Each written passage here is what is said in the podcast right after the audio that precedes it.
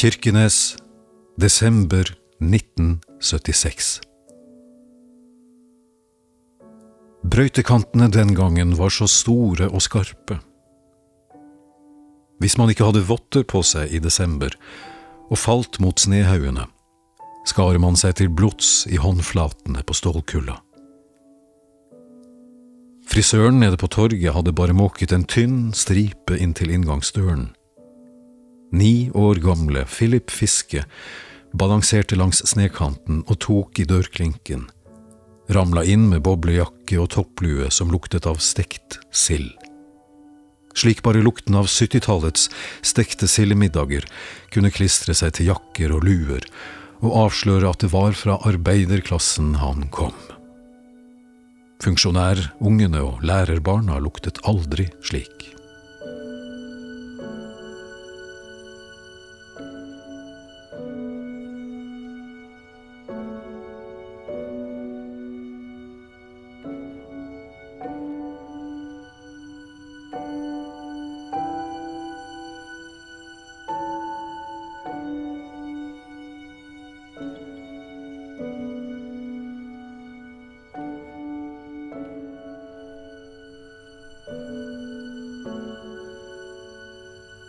Den gamle frisøren kikket opp fra nakken på en eldre mann som satt i stolen. Han sto i brun skjorte, ermene var oppbrettede, så man kunne se de hårete gammelmannsarmene. Han myste over tykke brilleglass og holdt saksen med vibrerende høyre hånd. Du får, eh, du får sette deg der, mumlet han og pekte på en pinnestol som sto inntil et smalt Respatex-bord. Det var to frisørsalonger for herrer der den gangen.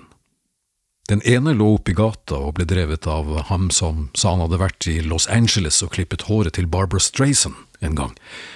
Men der kostet det 50 kroner, så det var helt utelukket. 50 kroner for en gutteklipp, hva var det for slags påfunn, sa de voksne.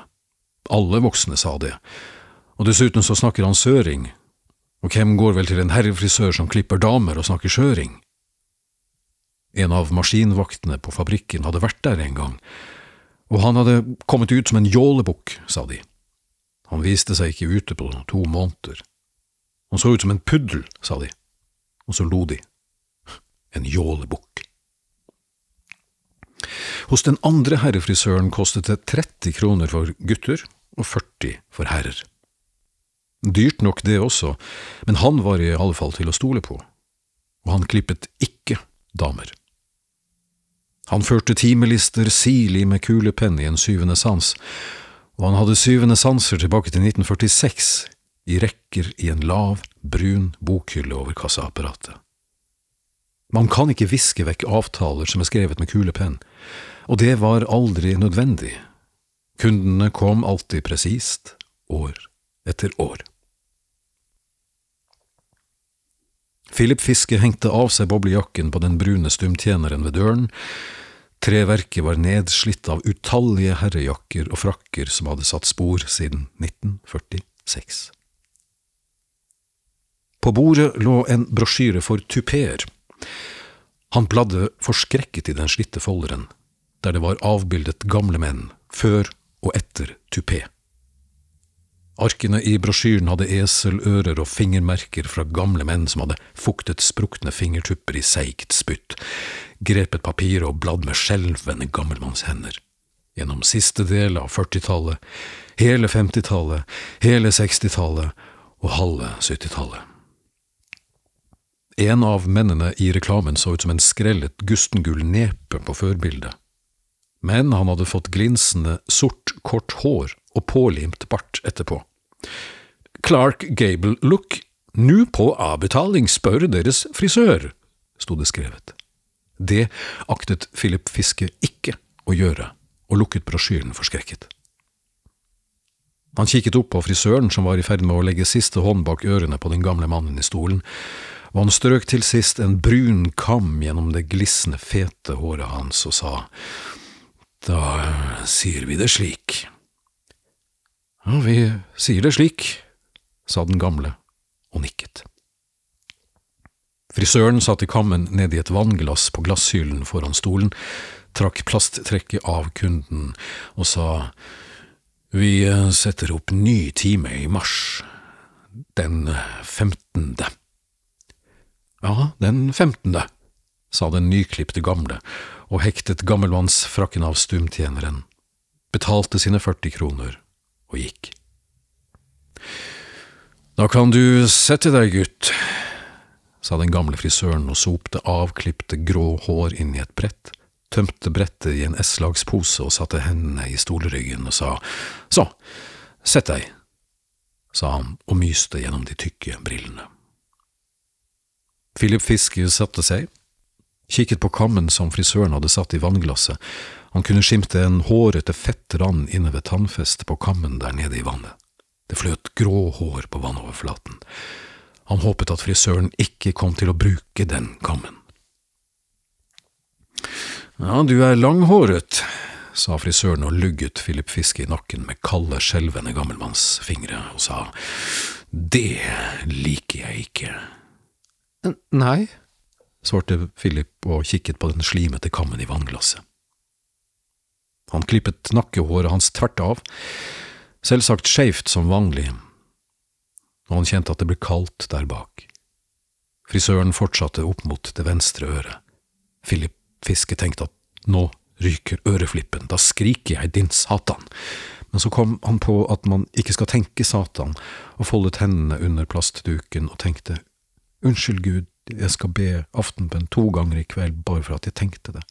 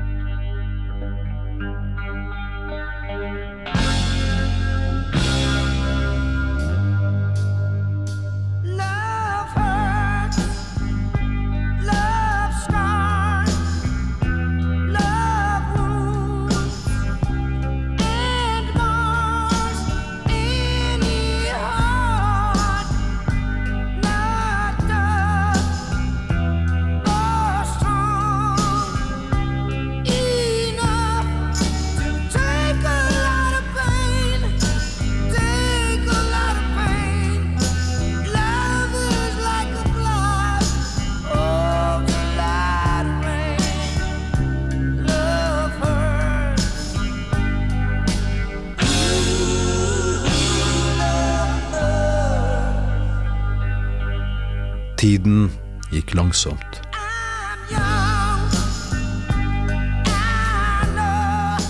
Og hva skal han bli når han blir stor? spurte frisøren og klippet panneluggen hans tvert og skeivt over. Philip Fiske var vant til å bli snakket til som om han ikke var til stede sjøl. Det var noe de voksne ofte gjorde.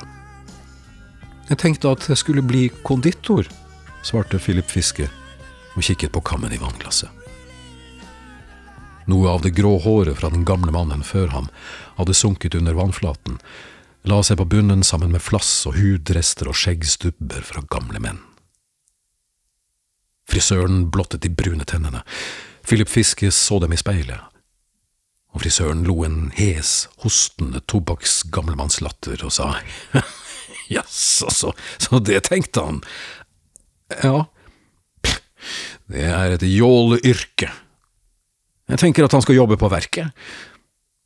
Nei, jeg skal vel Skal og skal, han skal ikke svare voksne folk, fortsatte frisøren og rundet saksen ned mot det høyre øret. Nå tar han snart kammen, tenkte Philip Fiske, men han gjorde ikke det, kikket bare i speilet med et brunt, hinneaktig blikk bak de tykke brillene, og fortsatte, han blir nok her, og hjemme burde de lære ham at man ikke svarer voksne folk. Så la han fra seg saksen på glasshyllen, grep kammen i vannglasset, det virvlet vasstrukkent grått gammelmannsflass opp fra bunnen av glasset, noe av flasset festet seg til fettranden ved tannfestet av kammen. Philip Fiske kjente at det som var igjen av håret hans, ble fett og limaktig. Frisøren dro kammen skjelvende to ganger gjennom skalpen hans og sa, da sier vi det slik. Ja, Det dryppet slimete av Philip Fiskes nakkehår. Frisøren fortsatte. Vi setter opp ny time i mars. Han kan komme tilbake den 15. Den 15., ja, sa den nyklipte Philip Fiske, og hektet boblejakken av stumtjeneren, betalte sine 30 kroner og gikk.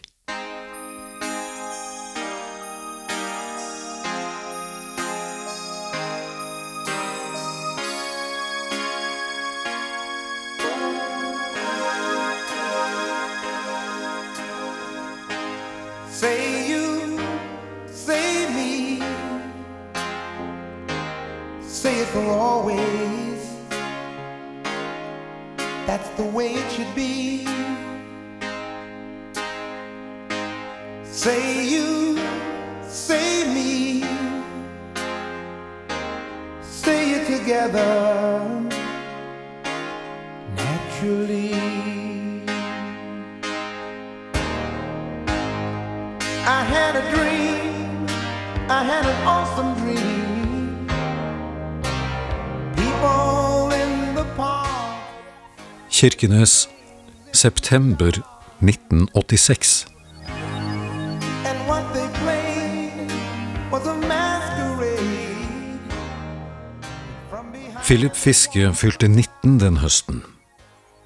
Han hadde tre måneder tidligere blitt uteksaminert fra videregående, med skjødesløst satt karakter fire i skriftlig fransk. Noe han i dag, som godt voksen og ansatt på verket, ikke har noe som helst bruk for. Han hadde sagt farvel til alle, grått seg gjennom et adjø til en brevvenninne øverst i Setesdalen, og han hadde deretter fylt ut meldekortet til arbeidskontoret. Han hadde fått innkalling til førstegangstjenesten. Det var ikke lang tid til oppmøte, men man kunne ikke drive dank i påvente av det. Det var en skam å gå arbeidsledig. Og skam kunne føre ut i fordervelsen, sa de. Alle sa det. Noen dager etter at han hadde levert meldekortet, ble Philip Fiske oppringt av Arbeidsformidlingen. Dette er fra Arbeidsformidlingen. Det er du som søker arbeid? Ja. Hun hadde raspende stemme.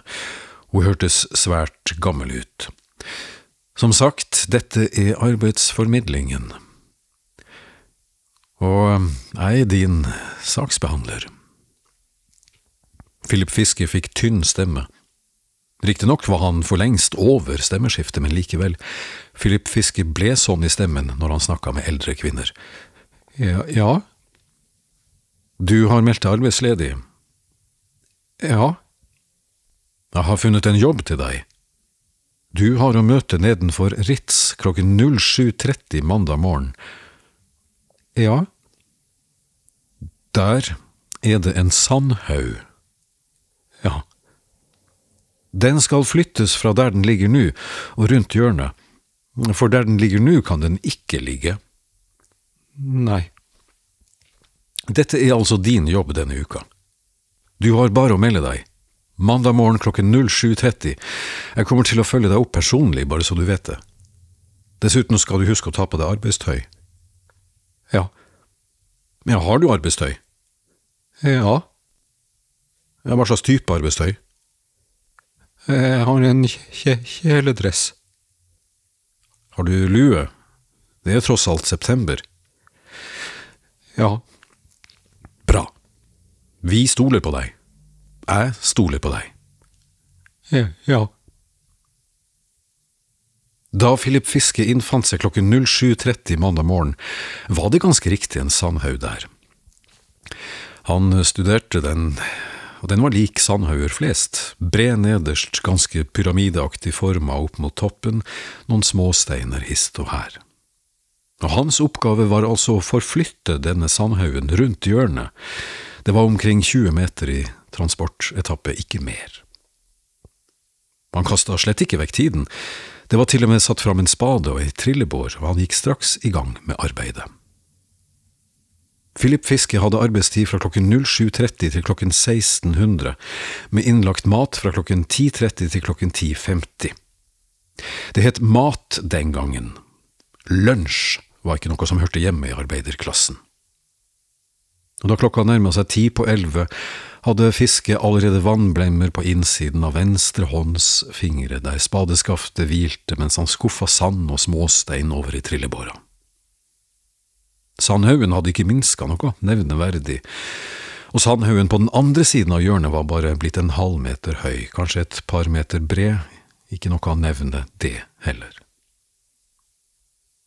Han spiste den medbrakte maten, mutt og mistrøstig, sittende på en kantstein.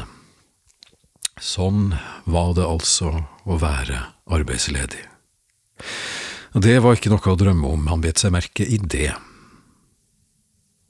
Noe seinere, klokken var rundt 14, ble han oppmerksom på ei kvinne som satte seg på kantsteinen og kikka på arbeidet hans.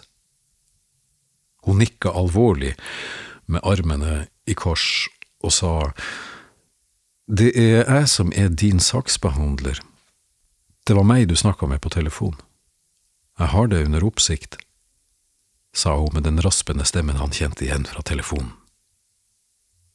Hun kunne være i midten av trettiårene, kledt i buksedress, spisse småsko, en mørkegrå åpen bobleanorakk, svarte skinnhansker.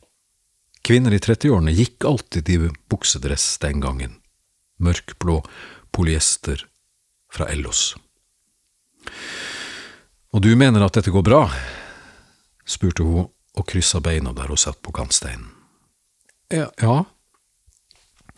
Jeg sa du skulle ta på deg arbeidstøy, du har ikke hansker på deg, sa hun og nikka mot hendene hans. Nei.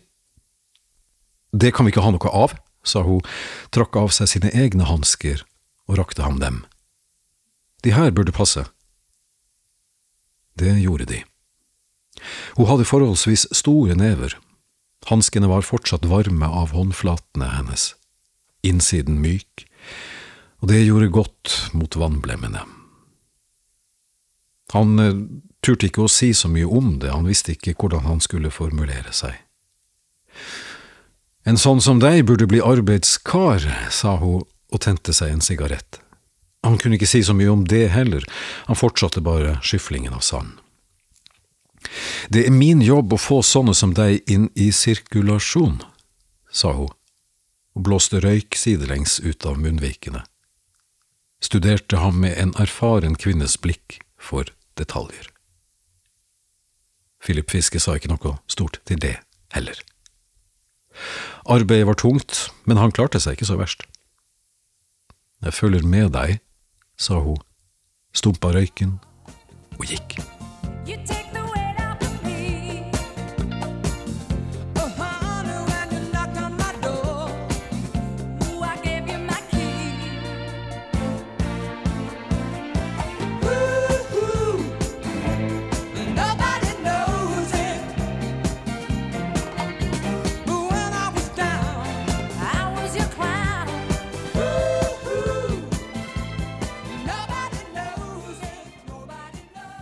Han gikk hjem om ettermiddagen, vaklende, følte han seg slett ikke som en ekte arbeidskar.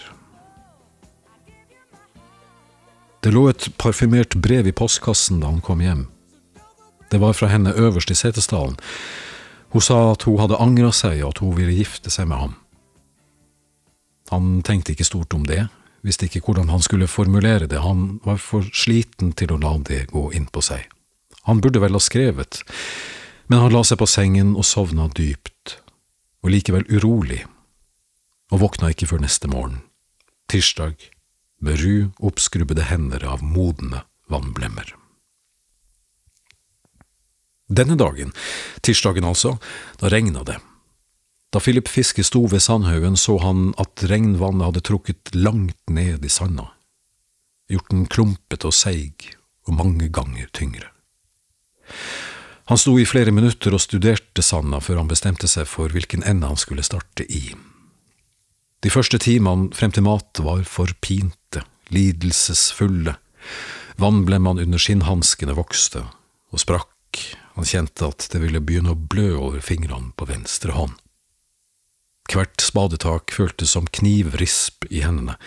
Hver tur med trillebåra rundt hjørnet var som å skli i et stadig dypere gjørmespor.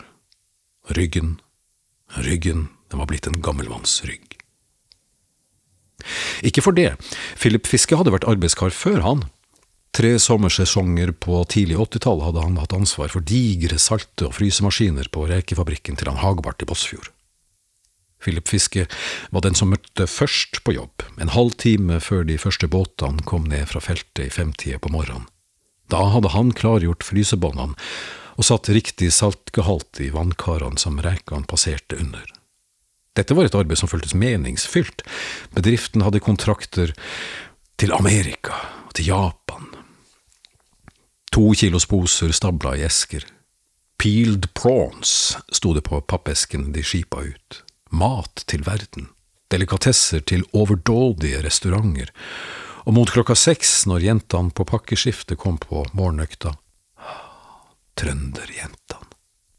Det flomma av bugnende trønderjenter, og, de underfundige finske jentene, de som sto i trappegangen på hybelhuset om kveldene og snakka med rullende r-er og skarpe diftonger.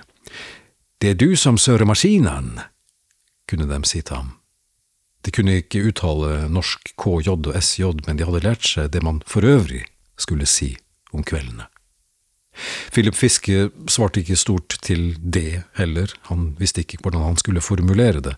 Han burde vel sagt et og annet, men rødma og smatt beskjemma inn på sin egen hybel, mens finskejentene fniste i korridorene og trønderjentene på naborommet festa på champagnebrus og heimert og sang Å, var det du, Jesus, var det der vi mesta igjen?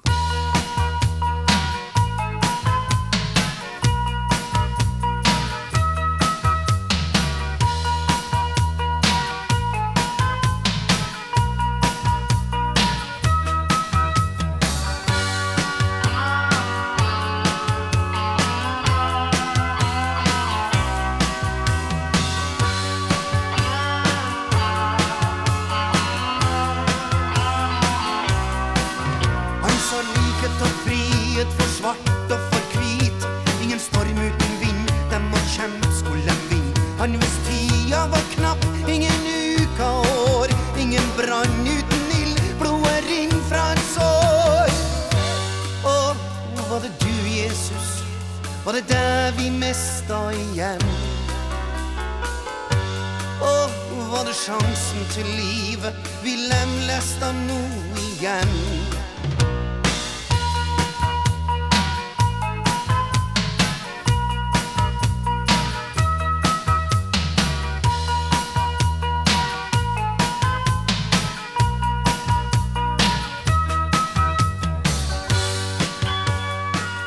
På sitt vis var dette uutholdelig, men han holdt ut, og han likte morgentimene. De skapte verdier. Båtene tømte det sørlige Barentshavet for reker. Kveldsskiftet brøt alle akkorder, og ungdommene tjente seg søkkrike som 15-åringer på delaktighet i dette overfisket, og hver seine kveld Philip Fiske sto i fabrikkvinduet etter å ha stengt ned saltemaskinene og fryseanlegget, da kunne han se hvordan havnebassenget var farga rosa av alt rekeskallet som var skylla ut under dagens produksjon. Trønderjentene hadde rett. Jesus var aldri der, og det var for så vidt heller ikke Arbeidstilsynet eller LOs sommerpatrulje. Men de fikk utbetalt lønna i pergamentposer som de måtte stå i kø på formannskontoret annenhver torsdag for å få. Dette er ærlig opptjente penger, gutt, hold deg til det, sa formannen og rakte fram den tykke pergamentposen, og bak Philip Fiske sto de bugnende trønderjentene og venta på tur, med hår som lukta Timotei-sjampo, og bak der de skumle finske jentene som rulla på r-ene og kniksa med hoftene i køen. Men det her, en sandhaug og ei dame passert middagshøyden i mørkblå polyester fra Ellos, meningsløst. Og klokka 14 så var hun der igjen. Jeg ser at det går tregt her, sa hun, satte seg på kantsteinen, tente en sigarett og kikka på sandhaugen, som ikke hadde minka med mer enn et par hundre kilo. Ja, det, det er litt tungt, jeg har litt vondt i fingrene, sa Philip Fiske, og han hørte sjøl hvor lite karslig det låt. hvor pipete og unnfallende det hørtes ut, tross at han til vanlig hadde antydning til en stemme ganske langt nede i tonerekkene, men den var forsvunnet nå. Nå følte han seg bare rar. Han innså forresten at dette var den første flerstavelsessetninga han hadde gitt henne.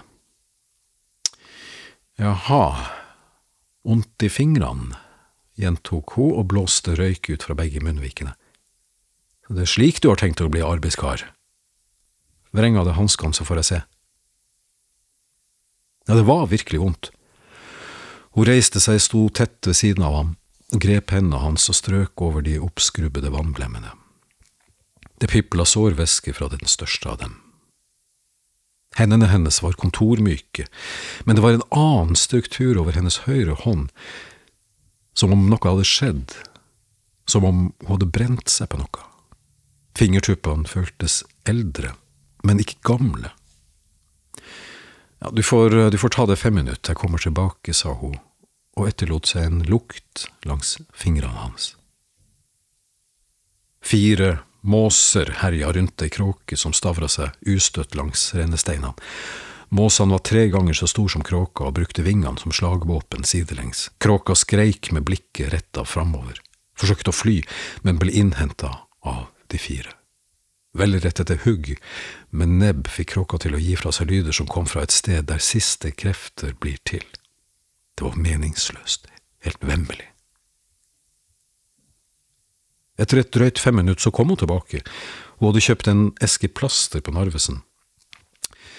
Strekk nå frem fingrene, vi kan ikke ha det sånn her. Så plastra hun de tre største vannblemmene med hver sin lapp. Sånn, nå kan arbeidskaren fortsette. Og husk, jeg følger med deg, og jeg kommer igjen, sa hun. Hun henta fram en papirlapp fra boblejakkelomma, ei penn, hun noterte noe på lappen og rakte ham den. Her er telefonnummeret mitt. Får du flere plager, så må du ringe. Jeg er tross alt din saksbehandler, døgnet rundt. Jeg vil ikke ha yrkesskader. Så stumpa hun røyken, snudde seg og gikk. Den kvelden var Philip Fiske mindre sliten, og han beholdt plasterlappene på om natta. Den neste dagen, onsdag, hadde nesten hele den gjenværende sandhaugen tørka opp. Regnet hadde ikke kommet tilbake, og det var bare en mørk flekk nederst i sanda etter regnværet. Fiske fikk fort rytmen tilbake, han skufla og kjørte, svetta under kjeledressen, når sola brant ved mattid. Han spiste to skiver kneip med brunost, satte seg på kantstein og kikka på hurtigruteturistene som hasta til og fra husfliden og snakka høyt. Han lurte på hvorfor de måtte snakke så høyt. Det skar i ørene sjøl på flere meters hold. Gata var nesten tom for folk, og lyden bar godt. Men sånn er det vel å komme fra en storby, til sist så snakker man i samme volum som byens utestemme, og man kan ikke noe for det. og Man kan ikke legge det fra seg heller. Selv ikke på verdens ende, tenkte Philip Fiske. Sandhaugen hadde minska betydelig. Hendene hans følte sterkere. Sandhaugen på den andre sida av hjørnet hadde vokst inn mot murveggen, og han undra seg over hva den skulle brukes til. Klokka 14 kom hun tilbake, slik som de foregående dagene. Ja, nå har de fått taket på det, sa hun. Og det var et smil han fikk, noe i retning av det, i hvert fall. Philip Fiske grep smilet hennes og fatta mot, og spurte, Hva skal denne sandhaugen brukes til? Hvem er det som eier den? Hun blåste røyk ut av munnvikene og svarte, Du spør vanskelig.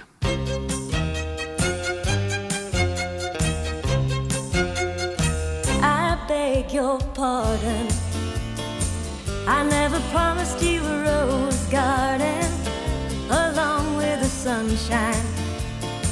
There's gotta be a little rain sometimes. Er det vanskelig? Ja, det, det er vanskelig. Det, det er ikke vår sak. Men du gjør en god jobb. Takk. Det er ingenting å takke for.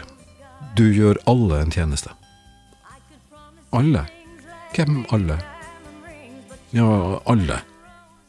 Du har fortsatt nummeret mitt? Ja. Du har ikke ringt? Nei, det, det, det er bra med fingrene nå. Det var ikke det jeg tenkte på. Nei, nei. Jeg kommer igjen. Da han kom hjem om ettermiddagen, lå det et uparfymert brev i postkassen fra henne øverst i Setesdalen.